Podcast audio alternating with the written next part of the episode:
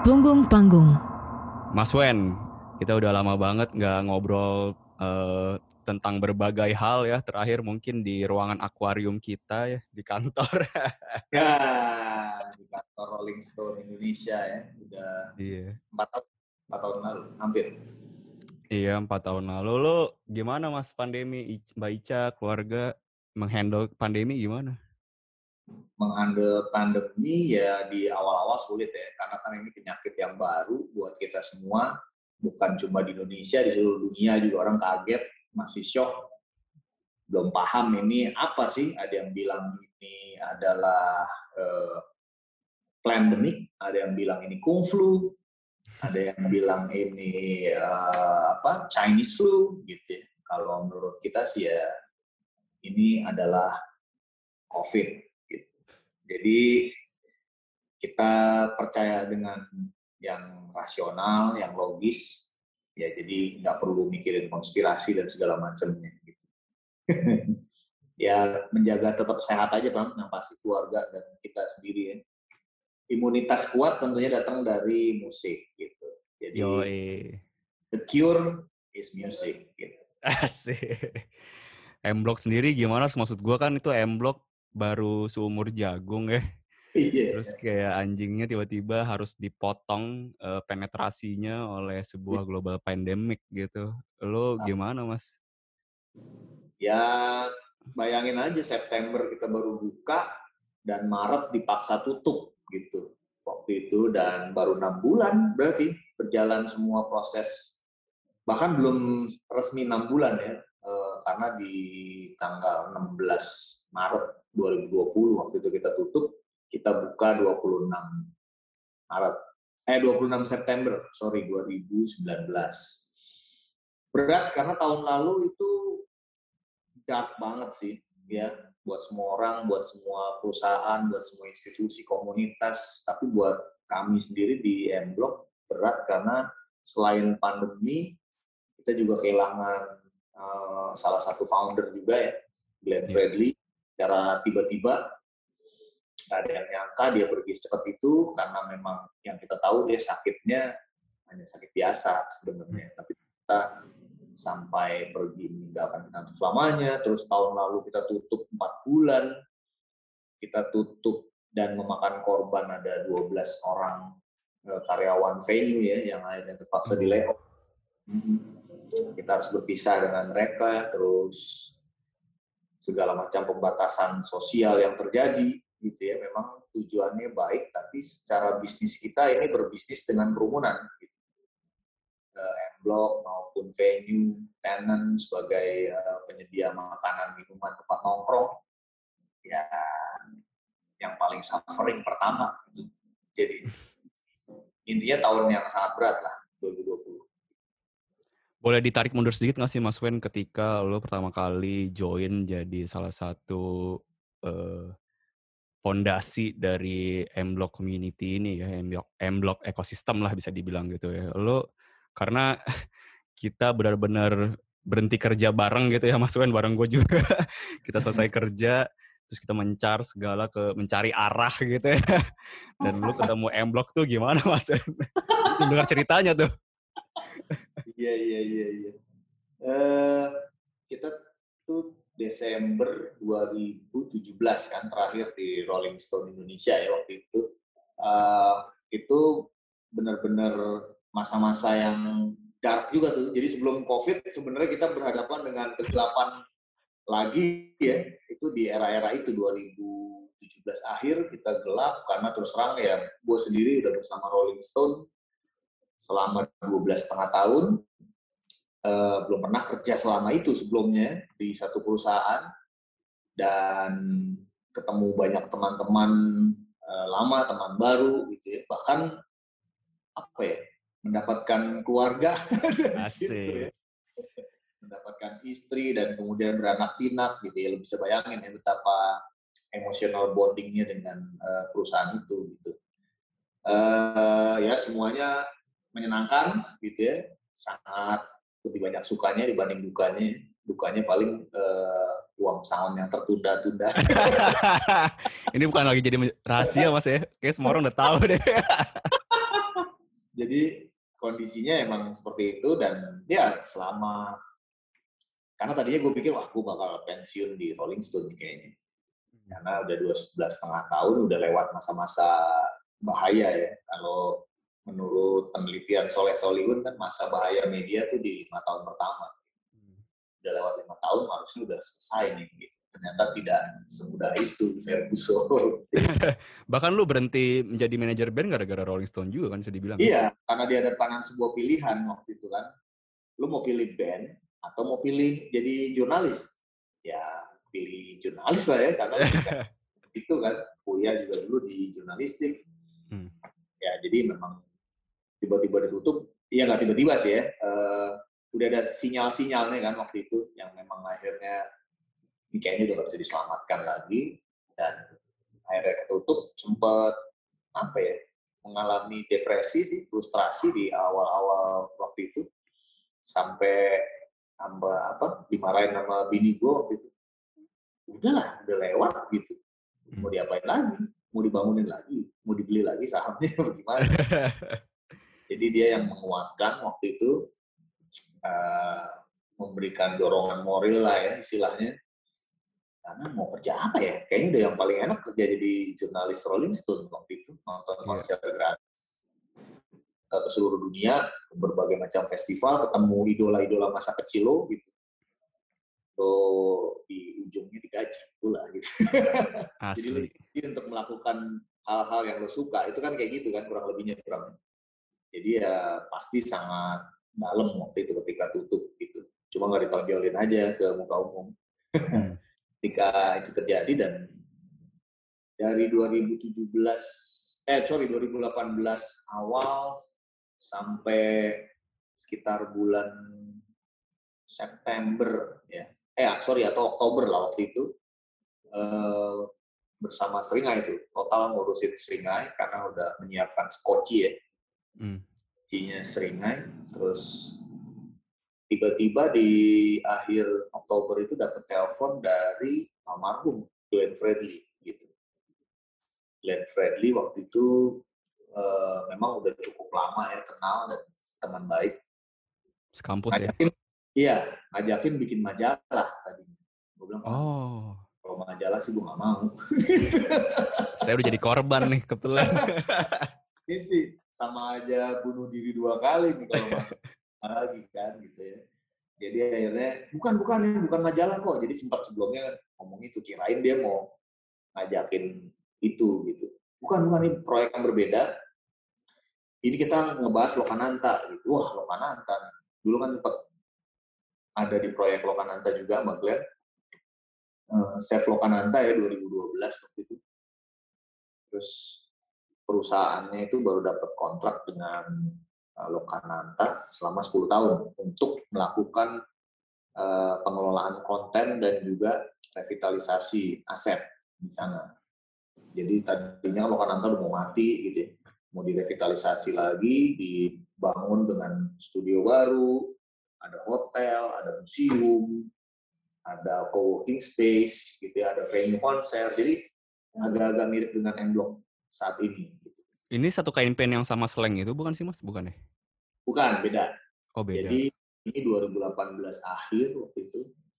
Dan ya udah, ketemulah kita dengan uh, kita udah ada tim nih, tapi uh, gue pengen lo jadi program director di sini.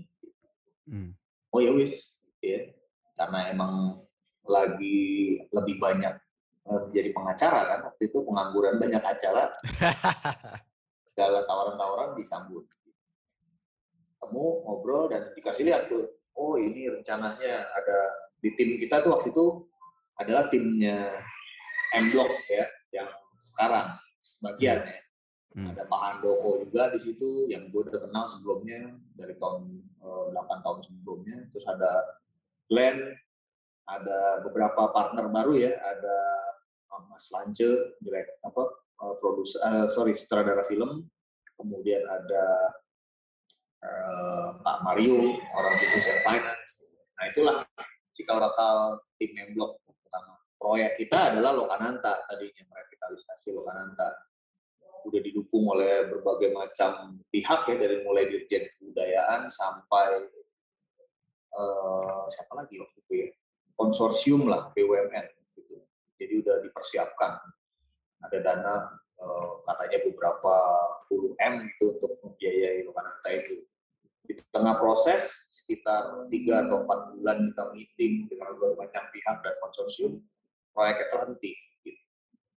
proyeknya terhenti masuklah tawaran dari Pruri hmm. jadi Pruri menawarkan ke partner gue itu ya Pak Handoko eh, ada lahan 7.000 meter nih di Blok M bisa dijadikan apa nanti dia nanya ke gue ada ide apa yang untuk ini ya udah lo nanya ke gue udah pasti kan gue jawabnya ya venue musik yeah.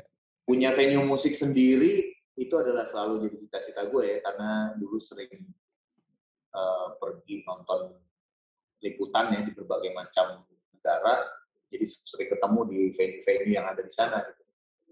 Oh, itu keren-keren banget venue-nya, sound system-nya, lighting-nya. Jadi ya udah gue bilang gue mau bikin venue musik kalau mau yuk kita bikin karena tempatnya Blok M tuh Blok M keren banget pas kita tahu tempatnya itu di Peruri lebih keren lagi gitu ya karena strategis di depannya ada MRT station gitu. Persis ya. Uh, belum jadi waktu itu cuma wah gila nih kalau sampai udah jadi bakal sangar nih ya udah akhirnya jadilah uh, proyek itu Eh, proposal gue bikin cuma dalam dua setengah jam waktu itu karena uh, ketika di telepon itu gue lagi berada di Bintaro Exchange dan tiga, tiga jam kemudian harus ketemu dengan orang Pruri. Jadi Mas Handoko minta gue mempersiapkan proposalnya. Bisa nggak? Ya bisa lah udah dari kepala gue semua itu kan. Ya udah gue siapin live house konsepnya ya, venue-nya venue kecil yang memang dibentuk dan diciptakan untuk uh, memanggungkan band-band independen yang bagus-bagus karena kita tahu di Jakarta kan kurangan venue yang bagus ya secara sound, secara uh, akustik ruangan, secara visual gitu. Ya udah diturunin konsepnya. Di jam 5 dihubungin, jam 8 atau setengah 9 ketemu sama orang Pururi itu di Bintaro Exchange. Jadi M Block lahir sebenarnya bukan di Jakarta Selatan, tapi lahir di Tangerang Selatan. Tangerang Selatan gitu. Uh, ngobrol dengan orang prodi propertinya tuh ya Pak Ajit. Untuk orangnya asik kebetulan gitu. Dia sangat responsif. Dan dia ngasih tahu oh, bukan cuma kalian nih yang punya proposal untuk kawasan ini. Tapi ada juga kimia farma jadi kimia farma tadinya mau membuat apa ya bisa dibilang mungkin uh, lab kemudian apotik atau juga ya semacam klinik mungkin ya di ini di M Block. Nah, saingannya kita hmm. si blok ini gitu. Ya udah. Uh, di root perurinya nggak suka sama kimia farma. Ah ini nggak nggak ini nih nggak keren ini idenya. Lebih suka yang ini kan. Kebetulan juga anak gaul lah pada zamannya. Anak SMA 3 dulunya di jadi anak band oh. juga jadi dia responsif banget lama tinggal di London dan juga di kuliah di NYU sempat jadi ketika kita cerita gitu ya tentang konsep ini seperti ini nanti wah dia wah ini aja deh. Bayangin kita waktu itu enam orang ini nggak ada PT gitu. Kita belum hmm. punya PT nih kayak nongkrong-nongkrong di Bintaro, terus nongkrong di Filosofi Kopi di Melawai, jadi konsep ini. Bahkan ketika ditanya sama mereka semua, mau dikasih nama apa nih, Kita kasih nama aja M-Block. Langsung ya? Ya karena kita kan melakukan revamp Blok M. Gitu. Hmm. Tempat ini nanti akan jadi tempat yang penting gitu di Blok M. Karena Blok M kan sempat ditinggalin lah ya, anak-anak muda pindah ke Senayan, Kemang. Pindah Kemang, pindah ke Senoparty sekarang. Gitu. Hmm. Blok M itu kan sebelum masuk MRT kumuh dia. Udah nggak ada yang mau lagi nongkrong di lintas Melawai kayak zaman hari Mukti dulu gitu. Hmm. Ya udah. Uh, M Block dan gue mikir kalau logo nih yang paling cocok bikin kayaknya Ucok Homicide gitu. Jadi gue minta Ucok untuk desainin logonya M Block. Ya udah, jadilah tuh logo itu oleh Heri Sutresna yang Maha Grimlock. Tapi sebenarnya si lahan itu tuh statusnya seperti apa sih Mas? Maksud gue kenapa si di rootnya membuka orang untuk approach untuk Oh iya, me, merevitalisasi apa mengganti konsep atau meisi lahan itu gitu. Eh, jadi dulu itu memang ini kawasan tertutup selama puluhan tahun dari mungkin dari tahun 50-an sampai tahun 1993. Ya. Ini jadi pabrik nyetak rupiah gitu. Jadi Ya. seluruh uang eh, koin, uang kertas, terus nyetak dokumen semacam apa meterai, perangko juga dicetak di sini. Iya. Ada tahun 50 sampai tahun 90-an. Tapi semenjak 93 itu tutup. Tutup dan pindah ke Kerawang pabriknya. Dipindah ke Kerawang, akhirnya di sini cuma tinggal eh, kantor dari ininya aja nih, apa direktur, direktur-direktur dan beberapa karyawan masih ada yang berkantor di sini. Tapi keseluruhan lahan 5,5 hektar ini sebagian besar tutup kosong abandoned dan karena ini objek vital nasional jadi nggak boleh sembarang orang masuk paling cuma keluarga ataupun karyawan ya yang bisa berada di area sini jadi memang udah abandoned place dan kalau lo lewat tempat ini dulu sebelum ada M Block kan gelap ya Gelap. banyak kita malam kadang suka ada tawuran kadang juga preman di situ. Jadi pada males. Orang kalau mau ke terminal Blok M nggak mau turun di situ. Pasti buru-buru kabur dia ke masuk tempat yang lebih rame. Itu jadi ceritanya. Hmm. Nah sekarang kan eh, mungkin dalam jangka waktu yang sangat pendek ini M Block tuh sudah mencuri perhatian menjadi situs kreatif anak muda di selatan gitu. Kita kalau lewat situ aja di sebelum era pandemi gitu Mas ya melihat rame banget dan gue yakin itu sebenarnya demografinya bukan hanya anak-anak musik doang gitu karena banyak kafe, ada bar juga, mungkin ada tempat makan. Demografinya jadi crossover lah bisa dibilang ya banyak sekali eh, orang-orang yang sebenarnya kayak waktu gue pernah ke mampir ke The Majors yang di sana, terus tiba-tiba ada bapak-bapak usia 40-an mungkin nyari sedang digging plat gitu. Itu kan sebenarnya sebuah interaksi yang gak kita temukan gitu ya di toko-toko musik sekarang gitu. Dan ketika ada M Block eh, semua orang akhirnya tidak hanya eh, demografi musik aja gitu ya, ada yang ya pegawai kantoran sana yang mungkin juga cari makan lah gitu. Tapi eh, bisa menemukan banyak sekali konten-konten musik di sana gitu. Tapi dari lo dan eh, para pendiri yang lain tuh memang sebenarnya tujuannya tuh memang bukan hanya musik aja sebenarnya masih ujung-ujungnya ya karena banyaknya coffee shop segala macam gitu. Iya, jadi memang eh, para foundersnya M Block itu latar belakangnya berbagai bidang kreatif. Ada yang eh, musik, ada yang dari media, ada yang dari film, ada yang dari arsitek, ada yang dari dunia agensi ya, eh, dunia brand periklanan, agensi periklanan, sama eh, business and finance. Jadi enam orang ini yang tadi gue sebutkan memang beragam latar belakangnya. Nah, masing-masing tuh punya komunitasnya sendiri-sendiri. Mas Lance dengan komunitas film, Mas Yakob dengan komunitas arsitek, gue dengan komunitas eh, media dan komunitas musiknya ya. Glenn udah pasti dengan eh, musik pastinya. Terus Pak Handoko dengan komunitas brand dan eh, advertising agency.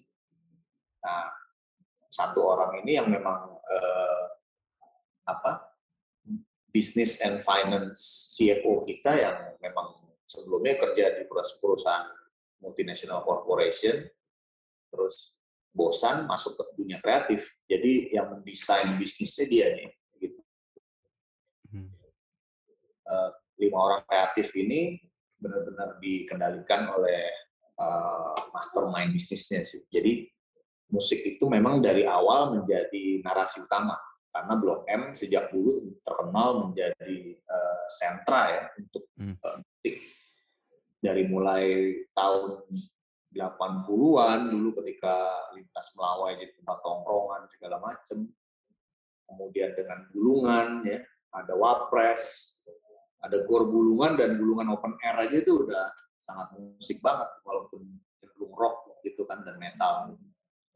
Uh, pensi-pensi yang diawali di daerah Blok M juga itu kan ada Pamsos dulu punya SMA 6 gitu ya. dan berbagai macam acara-acara lagi yang diselenggarakan di Bulungan. Jadi memang uh, musik itu menjadi ininya ujung tombak kalau di M Hmm. Yang lainnya menjadi uh, pendukung. Jadi mulai dari film, ada komik kan di sini ya, komunitas komik. Kemudian ada juga kria, ya, handicraft di mata lokal.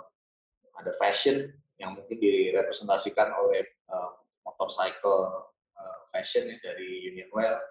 Hmm. Terus ada ya komunitas komik tadi ada, ada The Majors juga. Uh, itu musik lagi ya record store karena perlu ada record store pastinya. Kalau di belakang ada venue musik, di depannya harus ada record store. Jadi memang menjadi wajahnya adalah musik. Tapi di belakangnya berbagai macam uh, pelaku kreatif dan juga ini ya industri kreatif sih yang gue suka tuh karena uh, venue musik tuh selalu terasa eksklusif gitu nggak sih Mas Wen? Kayak misalkan katakanlah uh, Rossi gitu. Yang datang ke Rossi pasti uh, anak-anak musik aja gitu. Sehingga uh, marketnya circle-nya itu-itu doang gitu nggak sih?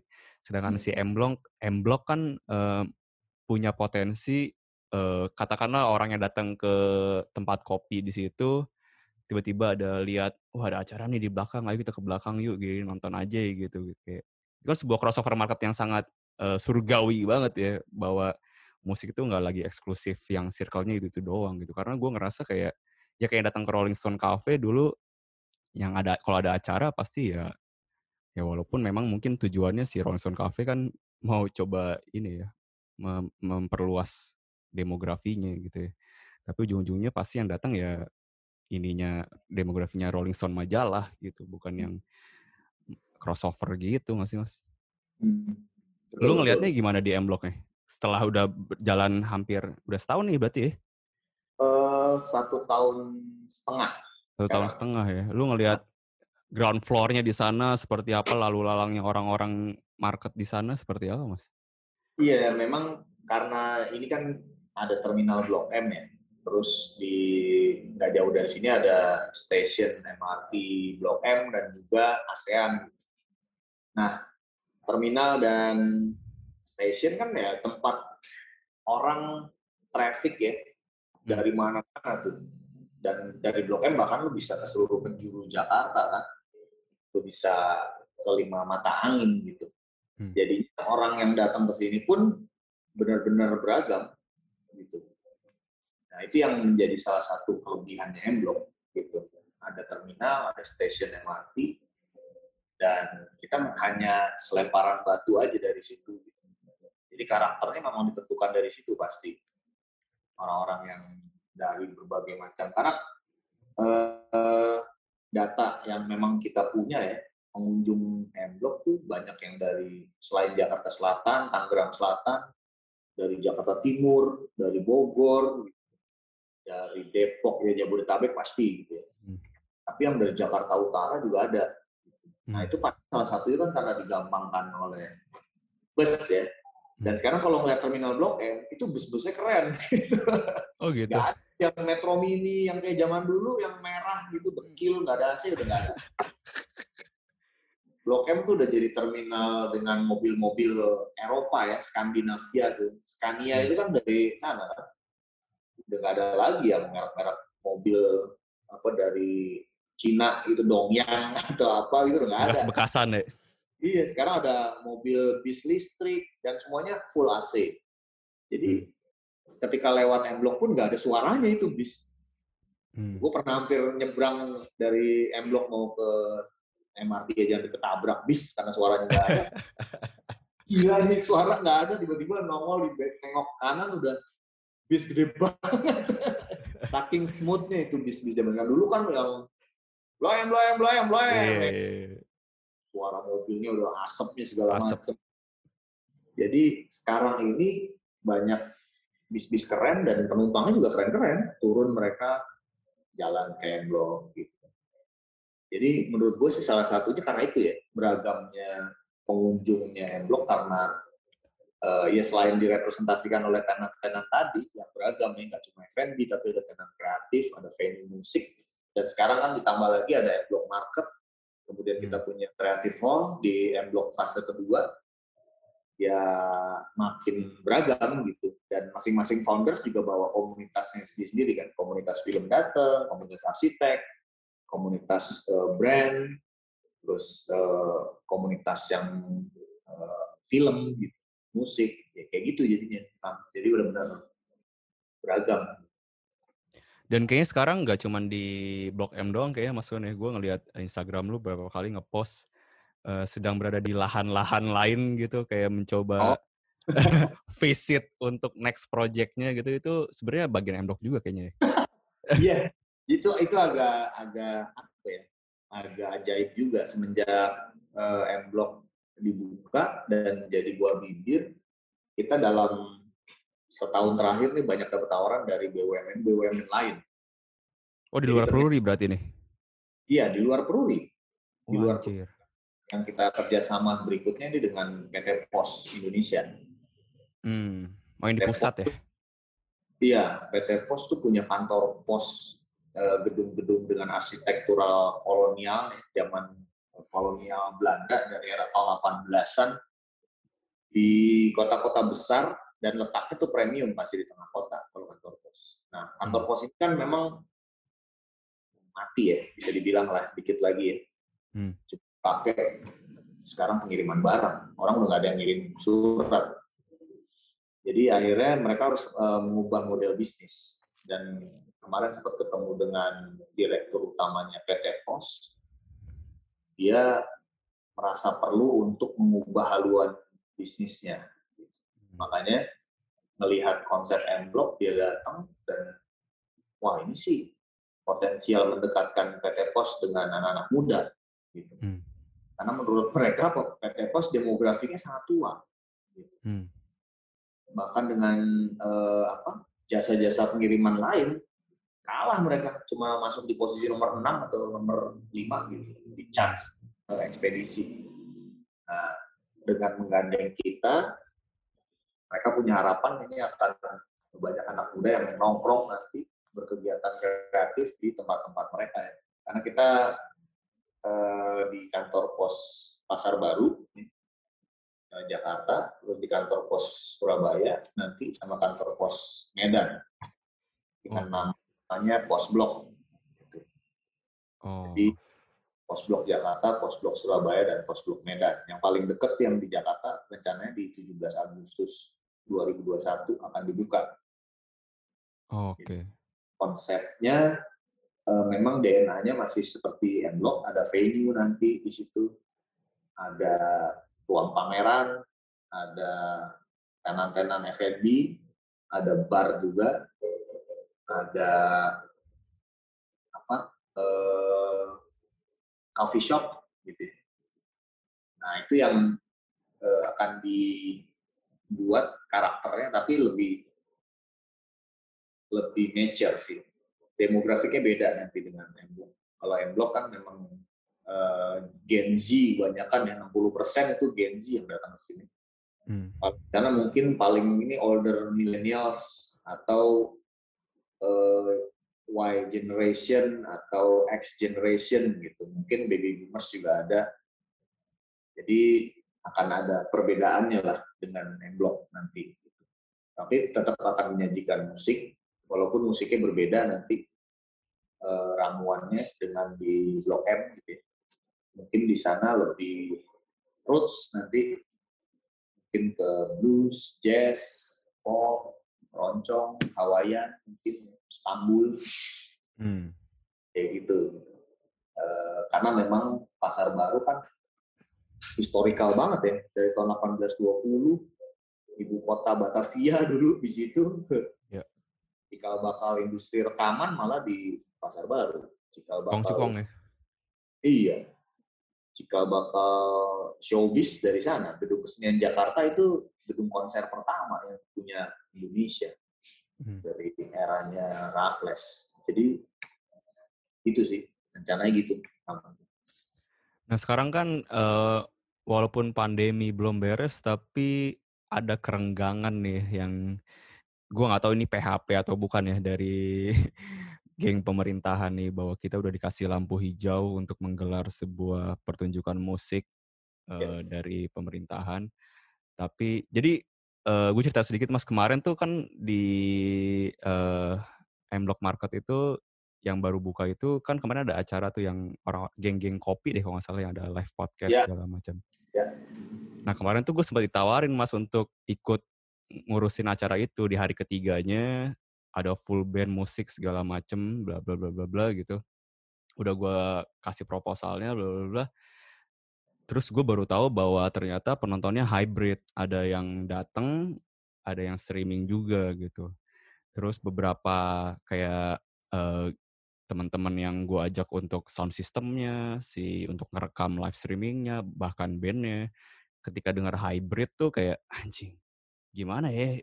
Gue masih agak ragu nih kalau hybrid. Kayak sekarang tuh kayak masa-masa tunggu-tungguan gitu nggak sih mas? Kayak siapa nih yang mau duluan untuk eh benar-benar ngeeksekusi lampu hijau ini gitu. Si M Block sendiri, lu gimana mas sekarang situasinya? Karena kan kemarin sempat eh, beredar si surat terbuka itu kan, yang akhirnya eh, mungkin itu yang memicu Sandiaga Uno akhirnya kasih lampu hijau gitu.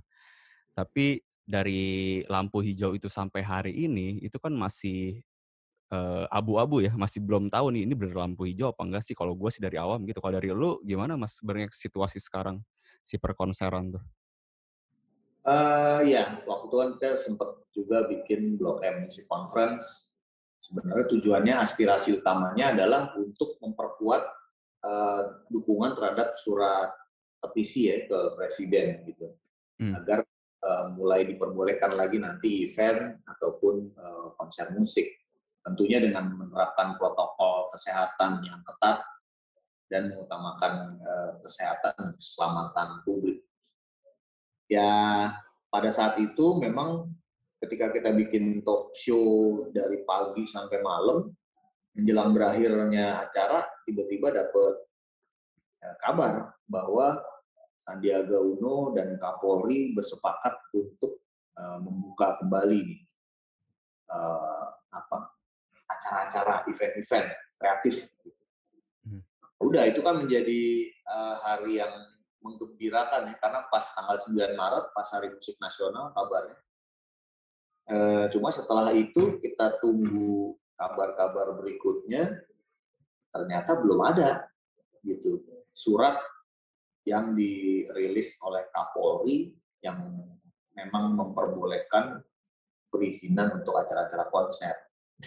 Jadi kalau dibilang PHP ya PHP bener gitu.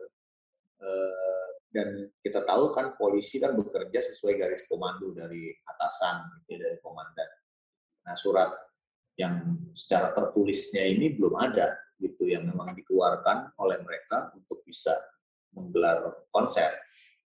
Karena terus terang dari pihak sponsor, dari pihak eh, pendukung acara itu pasti sangat mengharapkan acaranya diselenggarakan secara legal kalau ilegal nggak mau mereka.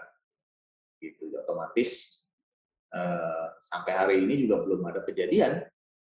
Kita bisa bikin show walaupun dengan penonton cuma 60 orang dan di klaster-klaster dengan social distancing satu meter tetap menggunakan masker dan protokol antigen ya kita menggunakan swab antigen juga kerjasama dengan rumah sakit pusat Pertamina belum bisa juga ternyata. Anjing.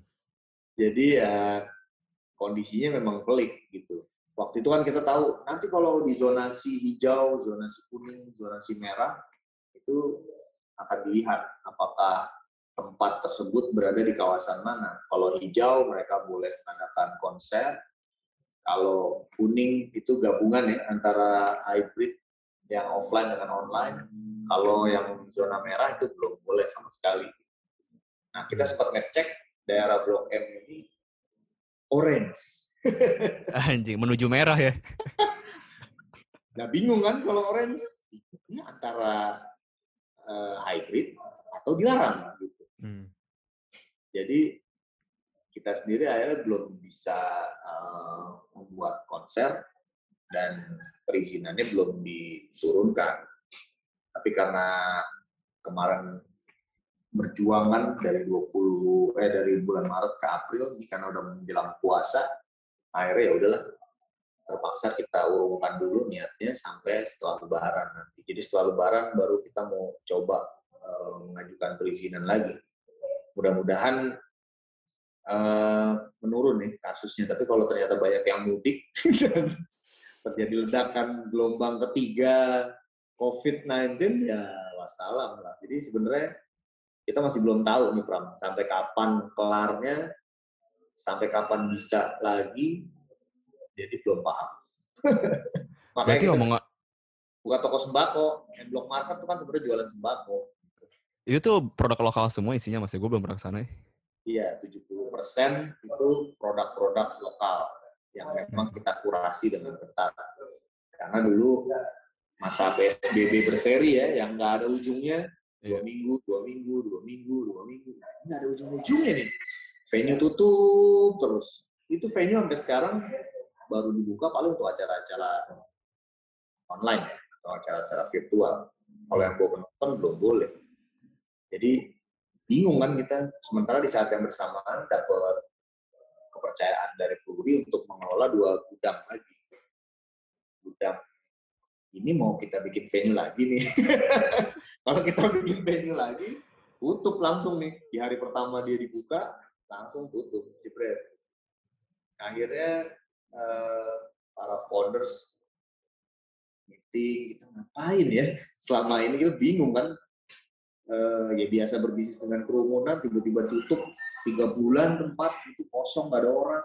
Sementara maintenance jalan terus, uh, gaji harus dibayar, yeah. karya ya udah akhirnya dapat ide ini nih bisnis yang nggak akan pudar ya, tahan pandemi adalah penjualan sembako. Pangan ya? Uh, uh, tahanan pangan jadi emang itu yang akhirnya oh iya dia kalaupun gempa bumi kalaupun bencana alam jualan sembako harus buka terus gitu. Karena dia food supply gitu kan. Yeah. ya udah dari situlah narasinya ya kemudian kita kembangkan dengan yang memang sudah ada di M kan kita segala-galanya mendukung pergerakan lokal ya. Hmm. dari brand lokal sampai band lokal gitu. Sekalian ini kita apa mendukung teman-teman UKM banyak dari produk-produk yang dijual di M Block Market emang nggak bisa ditemuin di toko-toko mana pun di toko fisik biasa jualannya di online mereka. Nah ini akhirnya ada 5.000 SKU di supermarket kita. Toko kelontong lah istilahnya, toko kelontong hmm. terkurasi. Warung lah warung. Jadi ya udah akhirnya jualan itu dan bener kayaknya lebih enakan ini ya jualan sembako. Aduh, kreatif nggak duitnya nih, gitu ya. kreatif lagi mandek, terus terang. Iya. Gila. Berarti tuh pepesan kosong aja tuh ya omongan Bro Uno tuh ya. Yes. Sampai hari ini belum bisa sih, terus terang. Karena menariknya kan dia ngomong itu berdekatan dengan negara Eropa yang melakukan eksperimen di stadion sampai 5.000 orang itu kan mas dia Belanda ya di Belanda dia kayak uh, bikin acara di stadion 5.000 orang semua dites beres acara juga semua di tracking ketika acaranya tetap pakai masker segala macem. Gue pikir uh, dia mau setidaknya mendekati konsep itu gitu. Ternyata hanya karena desakan-desakan surat terbuka itu aja ya sehingga dia kayak wah gue harus ngoceh nih di publik iya, gitu. menyikapi ya. Kalau untuk teman-teman perfilman malah lebih beruntung diterima oleh presiden waktu itu, hmm. terus uh, akan mendapatkan bantuan ya dalam waktu dekat dari mulai vaksinasi sampai uh, subsidi buat gedung-gedung bioskop. Ya. Jadi yang musik nih yang masih dijauhin gitu, kayaknya masih takut karena musik hmm. secara apa ya lebih mengerikan kayaknya ya, dibandingkan film. Film orang kan pasti duduk nonton dan fokus ke layar, nggak ada yang ngobrol, nggak ada yang makan. Gitu ya. Yang makan kan dilarang sementara ini nonton bioskop. Hmm. Nah kalau musik apakah mereka bisa tetap duduk selama nonton konser gitu. hmm. dan tidak dancing, tidak melantai, tidak joget. Jadi sebelum ada huru hara yang di media sosial kemarin ini, kita di Oktober lalu udah mengurus perizinan, udah nyoba gitu. Jadi eh, kita ketemu dinas pariwisata dan ekonomi kreatif waktu itu untuk mengajukan konser secara apa ya hybrid ya, offline tapi ternyata belum bisa juga dan izin yang sudah kita dapatkan dari dinas pariwisata dan ekonomi kreatif itu izin bikin seminar, workshop dan meeting. Lu bayangin tuh venue musik dapatnya izin bikin seminar, bikin workshop, bikin meeting. Konser, wah kalau konser nggak bisa, konser nggak bisa. Konser tuh masih mengerikan gitu ya. Tapi kalau live musik bisa. Lah, apa bedanya? Karena menurut definisi mereka live musik itu adalah akustik. Seperti di kafe-kafe. Oh. Nah, itu live musik. Jadi orangnya yang nonton dulu tertib. Tapi kalau konser tuh identik dengan ribuan orang, pada hura-hura, diri, joget, segala macam melantai kalau istilah mereka melantai. Jadi nggak dapat izin kita untuk bikin itu dari Oktober lalu. Dan hmm. lagi kemarin dengan bikin ya sebenarnya kan Blok MC Conference tuh protes sebenarnya. Iya. Yeah. kita mempertemukan orang pemerintahan, polisi dengan promotor duduk satu forum biar tunjuk-tunjukkan tuh. Hmm. Tujuannya kali aja bisa nih habis ini nih gitu eh bener kan dapet angin ancol kita. Angin ancol doang nih. tapi apa ini gak sih mas gitu. kayak gue nggak tahu ini skeptis apa enggak ya, tapi apa karena musik itu bukan menjadi pendapatan negara yang dominan gitu. Jadi kita dianaktirikan gitu. Ah ini receh doang. Ngapain sih industri ini di dipikirin gitu. Bisa jadi. Karena kalau bicara dari riset BPS, ya, Biro Pusat Statistik, itu musik pendapatan kontribusinya ke PDB hanya 0,47 persen. Persen gitu. Gue nggak tahu ini sih kayaknya ada yang salah dalam melakukan riset ataupun ini ya uh, sampling. Masa iya cuma 0,47 persen gitu kontribusinya. Bisa jadi uh, ini salah besar. Gitu. Cuma karena itu datanya dari BPS dan ya setiap data yang dikeluarkan BPS pasti dipercaya oleh pemerintah karena itu lembaga kredibel kan, yang memang uh, dibentuk untuk melakukan sensus, melakukan uh, riset ekonomi, ya, demografi dan sebagainya. Jadi ketika ah di 0,47 persen, ngapain kita pikirin pusing-pusing? Ini kita mikirin sektor-sektor uh, yang urgent gitu lah nggak apa-apa ini ntar aja kalau pemilu baru kita pikirin. Tirikan banget ya anjir. Iya. Ya sekarang 0,47 persen berapa sih kalau dirupiahin gitu ya? Iya. mungkin satu T dua T. Kecil lah ya buat negara tuh ya. Kecil kecil banget. Gitu. tapi resikonya potensi resikonya penyebaran COVID gede gitu. Mm. nah, aja lah. Makanya akhirnya film aja dulu nih film lebih bisa dikendalikan nih. Hmm. Duduk, nonton, fokus. Gitu. Nah, eh, setahu gue kan si M-Block juga punya inisiatif untuk bikin eh, media juga sih mas ya si M-Block Magazine ini. Sampai sekarang sih sebenarnya belum ini ya mas ya belum jalan banget ya. Ya. Tapi mungkin ini eh, sisi lo juga nih akhirnya bisa keluar gitu sisi jurnalistiknya gitu. Itu apakah inisiatif yang datang dari lo sendiri juga si M-Block Magazine atau gimana mas? Ini kalau gue cerita bukan. Oh Bukan bukan. Tapi dari eh, partners-partners yang lain ya, para co-founder yang lain. Gitu.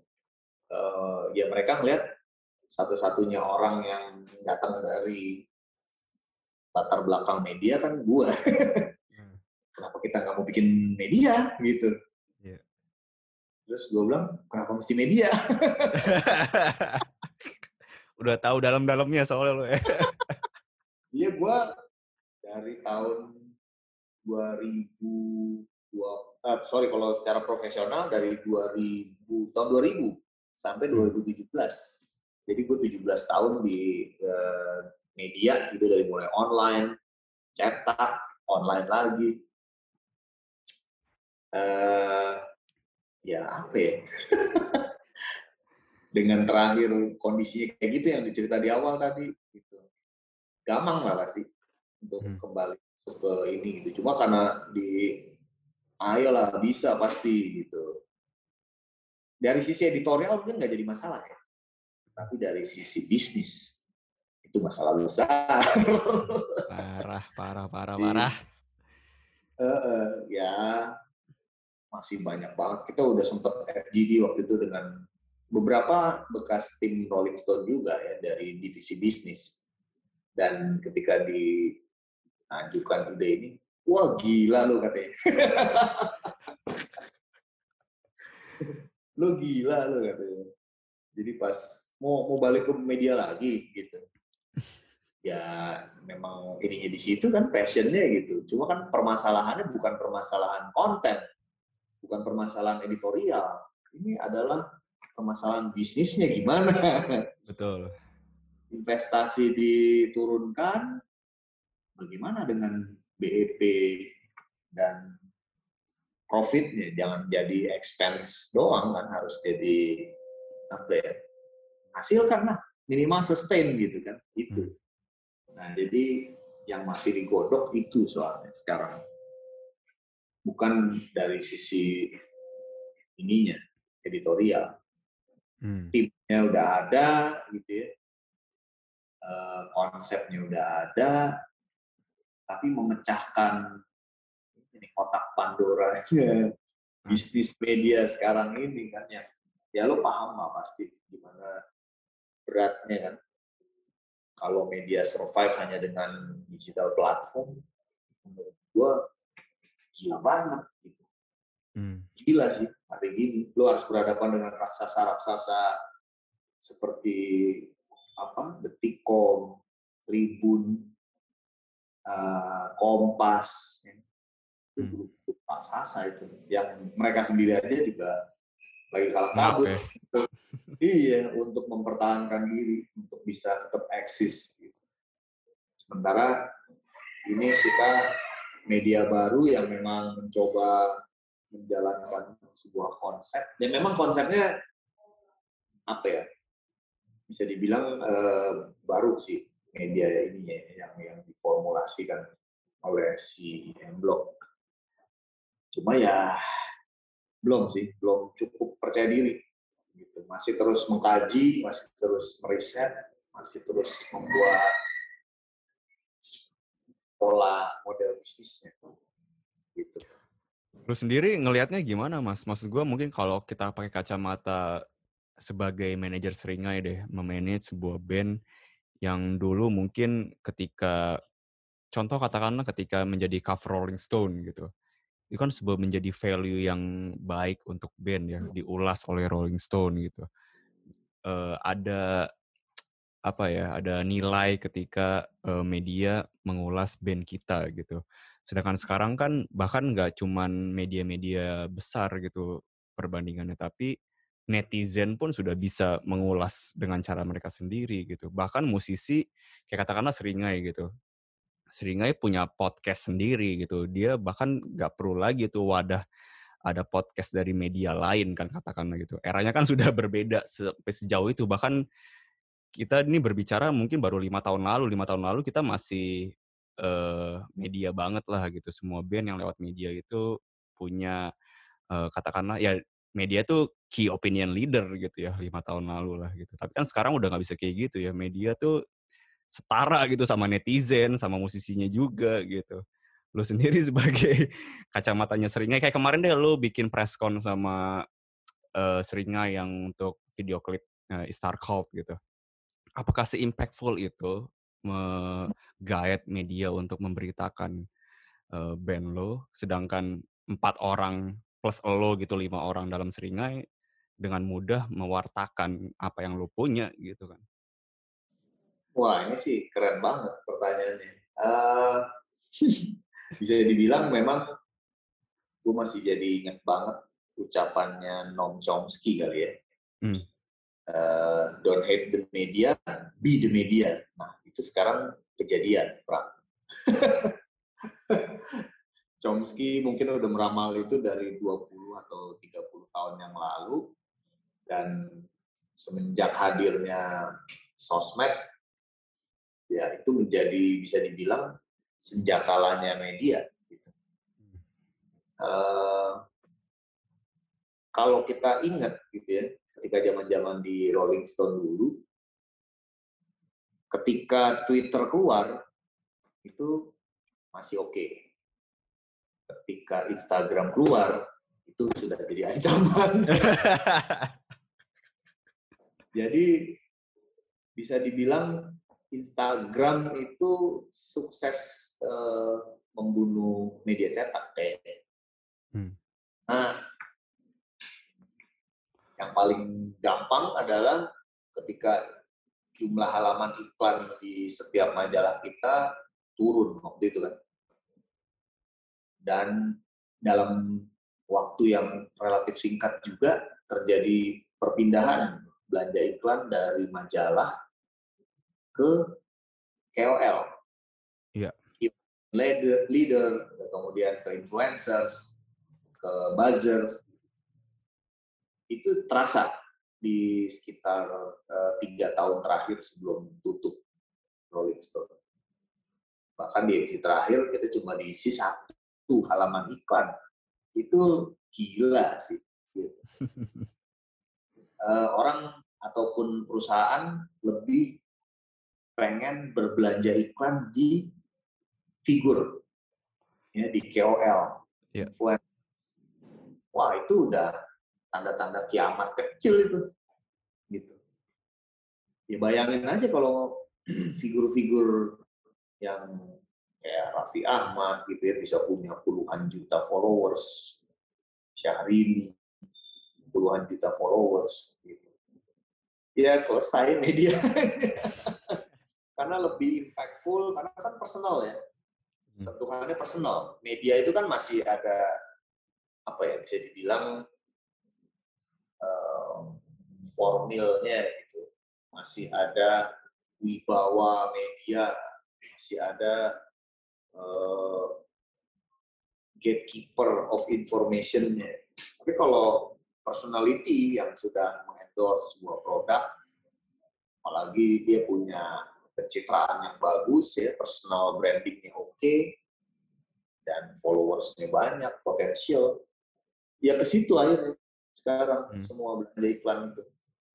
Gak perlu lagi mikirin konsep. Bahkan yang collapse itu bukan cuma medianya bahkan saat ini tuh uh, agency advertising juga udah sunset. Hmm. Karena apa kebutuhannya lagi? Media planning apa? Gitu. Paling cuma di billboard yang masih bertahan. Billboard aja udah diserang dengan perda ya, tidak boleh masang billboard. Terus ya yang masih besar kan sekarang belanja iklan kalau menurut riset Nielsen itu tetap televisi.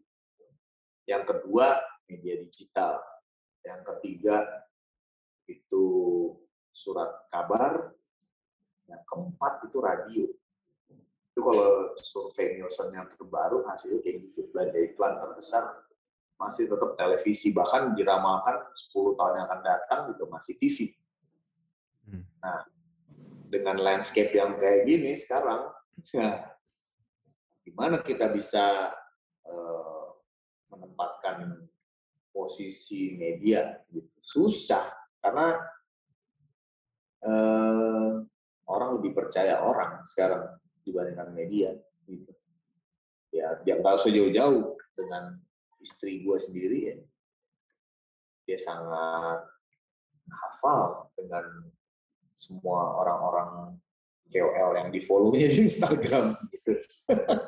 Siapa tokoh-tokoh yang gue sendiri asing namanya, tapi dia sangat tahu, wah ini impactful, ini direkomendasi tempat ini restorannya, ini uh, harus dikunjungin, ini harus dicoba, itu dia ikutin itu semua gitu. Dan, dulu tuh sebenarnya peran media kan. Iya, itu peran media untuk memberikan rekomendasi, review dengan ya ya sekarang kelebihannya media adalah masih mempertahankan etos jurnalistik, masih hmm. ada uh, cover both sides, masih ada fact checking, masih ada verifikasi disiplinnya di situ. Nah itu yang nggak ada kan hmm. di semua media sosial ini ya kepekaan sosial aja udah. Nah, itu yang nggak ada dan akhirnya ya udahlah, uh, hoax di mana-mana ya kan, disinformasi, ya itu yang kita hadapi sekarang sehari-hari. Gue kemarin, gue tuh kemarin sempat join di clubhouse gitu mas ngomongin media sekarang. Terus yang ngomong yang ngomong tuh orang-orang yang kayak media-media sekarang lah kayak si USS Fit terus si ya pokoknya media-media yang uh, digital base banget gitu sekarang dan mereka juga secara bisnis memang uh, pada intinya tim editorial dan tim AE itu udah nggak anjing dan kucing lagi gitu loh. Kalau dulu kan lumayan anjing dan kucing ya kayak yang editorial ya gue lah yang membuat media ini kredibel tapi yang tim jualannya ya ya gue yang bikin lo punya gaji gitu kan katakanlah ya. Nah, sekarang mereka udah meleburkan itu gitu. Jadi uh, objektivitas dalam uh, kontennya jurnalistiknya tuh gue rasa udah agak memudar gitu sampai yang gue dengar kemarin si USS Fit tuh sampai bikin agensi sendiri gitu misalkan uh, ada brand masuk agensinya si USS Fit lah yang akan uh, take over, diplot ke mana kontennya segala macam gitu. Tapi tadi yang kayak lu bilang mas, kekurangannya adalah uh, objektivitasnya akhirnya kan. Karena ya bisa dibilang ini gue nggak tahu ini kolot apa enggak ya media kan sebenarnya atau jurnalistik kan uh, salah satu pilar demokrasi negara ini gitu ya ketika hmm. sudah melebur dengan sebuah brand atau sebuah kepentingan gitu itu kan menjadi sesuatu yang aduh ini media bukan sih gitu. Kayak si USS Fit misalkan contohnya dia bisa ngepromoin sebuah uh, konten, sebuah berita based on agency yang udah deal-dealan sama brand gitu. Itu kan nilai objektivitasnya menjadi berkurang gitu ya. Nggak ada lagi sifat kritik gitu ya, nggak ada lagi uh, hal menjadi opposite itu sebagai media gitu. Gue ngerasanya sekarang tuh kayak begitu sih situasinya. Jadi gue gak tahu kalau di musik ya kalau di musik sih emang udah ngap-ngapan aja udah mah demografi marketnya segmented banget lagi hmm. kayak lumayan bingung sih sekarang tapi kalau lu kan maksudnya udah hampir udah di, dua dekade lah di dunia jurnalistik gitu melihat keadaan sekarang media musik deh gitu mas lo ngelihatnya secara konten sekarang udah Instagram based gitu ya kebanyakan udah lagi nggak yang cetak ataupun website pun udah nggak terlalu gimana-gimana gitu. Cukup lewat postingan sosial media gitu. Apakah itu mengurangi kadar uh, kredibilitas jurnalistiknya juga atau gimana menurut lo, Mas? Ya, kalau ada media yang mengklaim mereka adalah media dan hanya uh, merilis konten melalui Instagram, ya itu sih gue ketawain aja. Gitu. ya bukan media lah, mereka media sosial, hmm. tapi bukan media as if yang kita kenal seperti dulu gitu ya. Karena menurut gua itu adalah harusnya menjadi amplify aja gitu dari konten-konten mereka. Jadi sebuah cuplikan gitu. Excerpt gitu dari apa yang disajikan oleh website mereka. Jangan malah menjadi rilis beritanya di situ, di Instagram gitu. Itu kan konyol ya. Ya dengan cuma bisa 200 karakter di eh sorry 2000 karakter di Instagram lu bisa menulis apa lu bisa menyampaikan informasi apa ya mereka media sosial bukan media massa dalam arti yang media massa uh, ada itu tadi ya ada jurnalisme di situ ada verifikasi ada cover both side fact checking uh, semualah disiplin jurnalistik diterapkan. Tapi kalau hanya sekedar apa uh, akun Instagram gitu terus mengklaim mereka media itu buat gue sih telek nih gitu. karena emang uh, beberapa kali gue sendiri dapet tawaran gitu kan kerjasama dengan media ini media ini. Terus mana ini medianya? Ini mas akun Instagram. Alah apaan ini? Bukan media tong gitu. Ini sosmed gitu.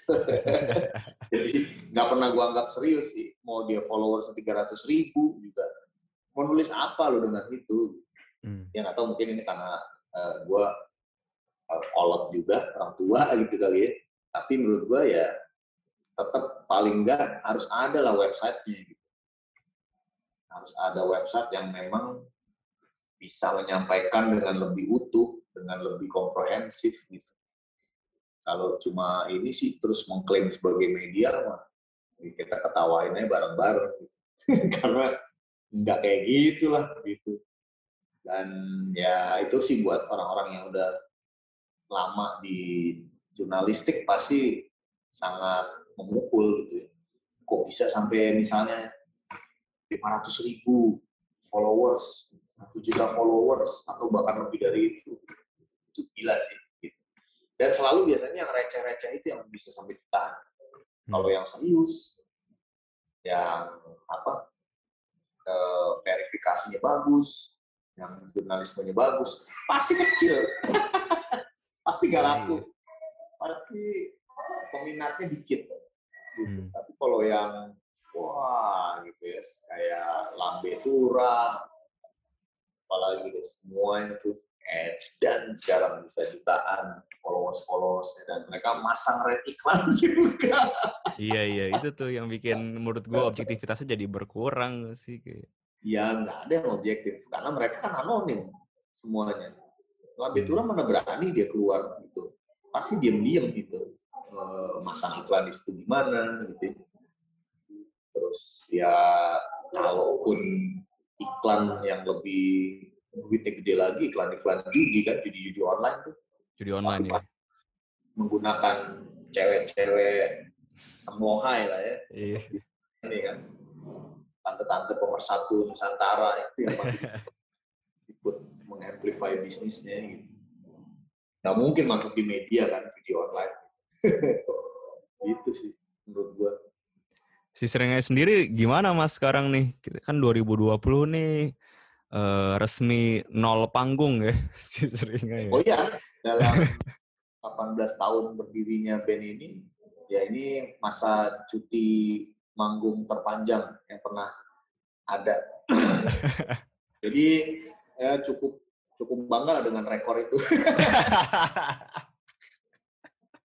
Karena udah kayak band-band luar negeri kan. Band-band luar negeri kan gitu. Tour dua tahun berturut-turut ya kan. Gak berhenti-berhenti dari satu kota ke kota lain just cuti exhausting nih kita istirahat dulu lah untuk menenangkan pikiran pergi ke Bahamas ya kan liburan ya kan bersama keluarga nanti dua tahun lagi kita manggung silakan dikumpulkan dulu jadwal tuh kita ketemu lagi dua tahun yang akan datang entah itu di studio atau di panggung konser nah kira-kira sekarang sedang menjalani masa-masa itu Ya. Tapi kemarin bikin podcast lumayan inilah adaptif dengan situasi juga gak sih mas? Atau itu sebenarnya ya melepas itu panggung. Oh itu panggungnya ya? Itu panggungnya, itu panggungnya Seringai gitu. Jadi ya memang tidak menghadirkan musik di situ ya, tapi obrolan gitu. Karena anak-anak waktu itu cukup rutin. Mereka setiap minggu itu banking eh, apa tapping, melakukan tapping dan melakukan banking gagasan lah. Terus kemudian diangkat jadi obrolan eh, selama 25 episode uh, akhirnya kita coba kita uh, ini dulu kita hentikan dulu dan kita coba cari improvement dari yang kemarin gitu. Jadi biar ditunggu-tunggu. Kalau apa serial-serial kan ada season-seasonnya nih. Nah, Yoi. jadi season 1 selesai, season 2 nanti siap bergulir lagi. Gitu. Itu sih sebenarnya tapi bukan berarti berhenti total dari itu ya dari aktivitas di digital presence tetap jalan gitu. Uh, kita tetap merilis video klip dari single lama ya. Uh, single animasi yang belum pernah dilakukan, terus uh, campaign kaos kemarin ya sempat ya. Campaign kaos ya buat para kru yang memang uh, tidak bisa bergerak ya. Kalau dulu kan setiap panggung pasti yang mengurus anak-anak ya teman-teman kru ini gitu. Para serigala jalanan. Ketika berhenti manggung saatnya para personil yang memperhatikan serigala jalanan. Kira-kira gitu sih waktu itu. Jadi kita bikin program t-shirt benefit untuk kru gitu. seluruh keuntungan dari penjualan t-shirt tersebut kita kasih untuk uh, teman-teman kru serigala jalanan. Entah itu buat modal mereka berbisnis atau untuk uh, biaya-biaya apa pun sih. Hmm. Jadi masih di wilayah itu dan ya alhamdulillah sih walaupun konser itu bisa dibilang 50% income yang datang dari band, musisi itu datang dari situ. Tapi 50% sisanya di situ masih ada merchandise, masih ada sponsorship, masih ada uh, apa digital royalties gitu. Jadi uh, yang khususnya paling utama untuk seringai sih sekarang ya hidup dari penjualan merchandise. Hmm. Oke Mas Wen, thank you so much ya atas waktunya. Ternyata sudah sejam, Oh, iya. hampir sejam setengah nih. Nggak nggak kerasa. Terima kasih banyak atas waktunya. Eh kita tunggu ya. Berarti nanti Agustus ya si post blog itu ya rencananya Yes, ya. betul. Agustus di Jalan Pos, ya, Jalan Pos nomor 2 Pasar Baru, kantor pos peninggalan eh, ini kolonial Belanda. Ya, nextnya di Surabaya atau di Medan atau belum tahu tuh. di Ya, mana. rencananya di Surabaya, setelah itu kemudian di Medan, tapi nggak di tahun ini sih, masih di tahun-tahun Hmm. depan nanti. Mudah-mudahan kita doanya. Oke, tahun ini semoga terrealisasi itu ya post blog di Pasar Baru Jakarta Pusat ya. Eh, thank you. Mas Wen, sehat-sehat ya. Salam untuk Siap. Mbak Ica dan keluarga. Sama-sama, Ram. Thanks. Sampai Thanks jumpa. Mas. Punggung Panggung